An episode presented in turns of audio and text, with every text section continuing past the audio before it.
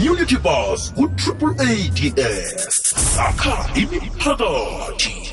Ke ngakuthembisa ukuthi siyabe sicoca nodade la ukhensani wakwamahlangu obuye lapha-ke kwa-sanbs lotsha khensani. Sanibona njani? Sikhona sezi sithokoza ithuba lokuthi sicocisane nawe namhlanje. Ya ngibonga nami ukuthi ningibeke namhlanje. Sithokoze khulu kwamambala. Kusitsheleke eh imandate namtjana umsebenzi we-sanbs yini? Well umsebenzi wethu e-SANBS siqoqa igazi ukuze lisetshenziswe eh, ekwelapheni abantu abagulayo ezibhedlela. Eh, igazi lethu leli libalulekile mm.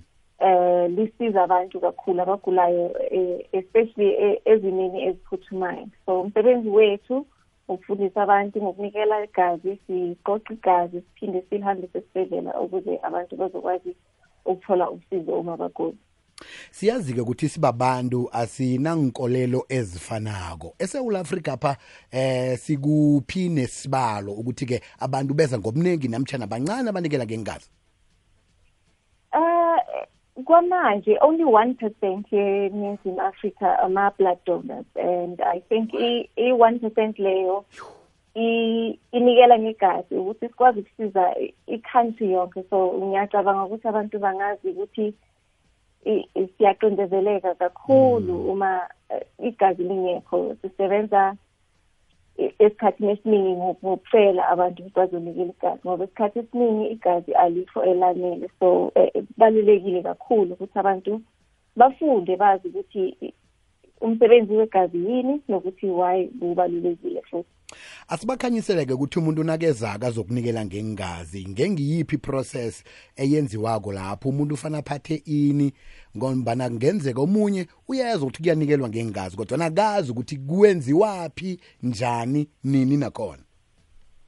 Ama-donor center akhona eh kuwo wonke ama- ama-major town nama-city e-south africa. So uma uzonikela ngegazi uza ne-id yakho. Wawufika e-donor center bazokwenza i-questionnaire eshort uphendula imibuzo embalwa and then after that uzoya ku-health check na- nama-donor center attendants. Lapho bazoku-check-a babone ukuthi u- uphilile kahle impilo i-right. Ba-check-e nokuthi uphuza yiphi imithi. And then abantu abakwazi ukudonata noma ngubani o- oneminyaka ephakathi kwa-seventeen no-seventy-five ophile kahle futhi onesisindo esingaphezu kwa-fifty kilograms anganikela ngegazi.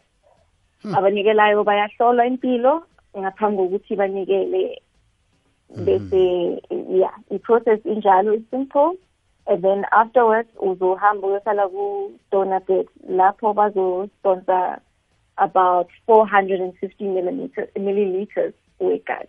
Mm. awubi buthakathaka ngemva kokuthi bakudose ingazi? Cha esikhathini esiningi abantu baphuma bakahle uyangena unikela ngegazi. Uma uqeda ukunikela igazi uyahlala isikhashana bakumonitore benze sure ukuthi right u-right. Awunawo ama-side effects okudonate igazi. And then after that ungakwazi ukuthi uphume uhambe uqhubeke ngelanga lakho. Kungaba sikhathi esingangani efanele ngisihlale lapha nakwenzeka yoke into le? Isikhathi esihlalayo sincane eh about 30 minutes. So eh, esikhathini esiningi ungaqeda ngaphambi kokuthi i-30 minutes ishaye. So from the time ungena enyanga donor center to the time uqeda ukunikela ngegazi so about 30 minutes. Mhm. Njeke njengombana kuyi kuyimandela month nje vane sikhuthaza abantu ukuthi abenze eh ichuguluko empilweni yomunye umuntu ngaphandle kokuqala imba- imbadalo. Nina ke khuyini enikwenzako ukuthi ke nikhuthaza abantu ukuthi beze ngobuningi bazokunikela ngengazi ngiyacabanga ukuthi esikhathini esiningi eh, siba nama-opportunity okukhuluma e- ereyweni njenganamhlanje. And uh njengoba sikhuluma ka- kanje ngingasho ukuthi umuntu oyedwa angasindisa izimpilo ezi ezingaphezu kwa-three so uma uthatha leyo sixty-seven minutes yakho ye-mandela month or mandela day uye uyonikela ngegazi yazi ukuthi usize three people ukuthi baphephe. So i- it's, it's a very big contribution umuntu oyedwa angayenza yes. Mhm. Njeke umuntu ofuna ukuthola ilwazi ukuya phambili ngendaba esicoca ngayo namhlanje mhlawumbe kune-website eh kunenomboro aba- angazidosela ukuthi athole ngokunabileko be atshelwe nokuthi i-center lapha angathinga khona ukuthi awunikela ngengazi. Ikuphi hlani kwakhe? Yebo ofuna ulwazi angasifonela ku-0800 119 noma avakashela iwebsayithi yethu ku-sanbs.org.za lapho sinalo ulwazi oluningi. uh, bangakhuluma futhi nabantu bakuma-contact center ethu. Banolwazi banga- bangabonisa ukuthi idona center eseduze nakuwe ingakuphi. Mhm. ngibawa sibuyelele inomboro le yagodu. 0800 119 031 sesikhensani sithokoze khulu kwamambala eh sinifisela ichudu ukuthi nenze umihluko eSouth Africa ngiyazi ukuthi eh vane nikhuphe nememezelo ukuthi hey ingazi seziphelile selwezi ingazi zeveke yinye. Nakungenzeka kube nabantu abalimalako vele ngeze bakhona ukuthi basinde siyazi ukuthi niphasi phezulu nisebenza kabudisi. Niragele phambili njalo. Sithokoze khulu kwamambala besikhulumisana naye namhlanje si ngudade uKensani wakwamahlangu sebenzela i-South African National Blood Service. Mandela Month siyakukhuthaza ke nawe ukuthi yenza umehluko ngokuthi unikele ngengane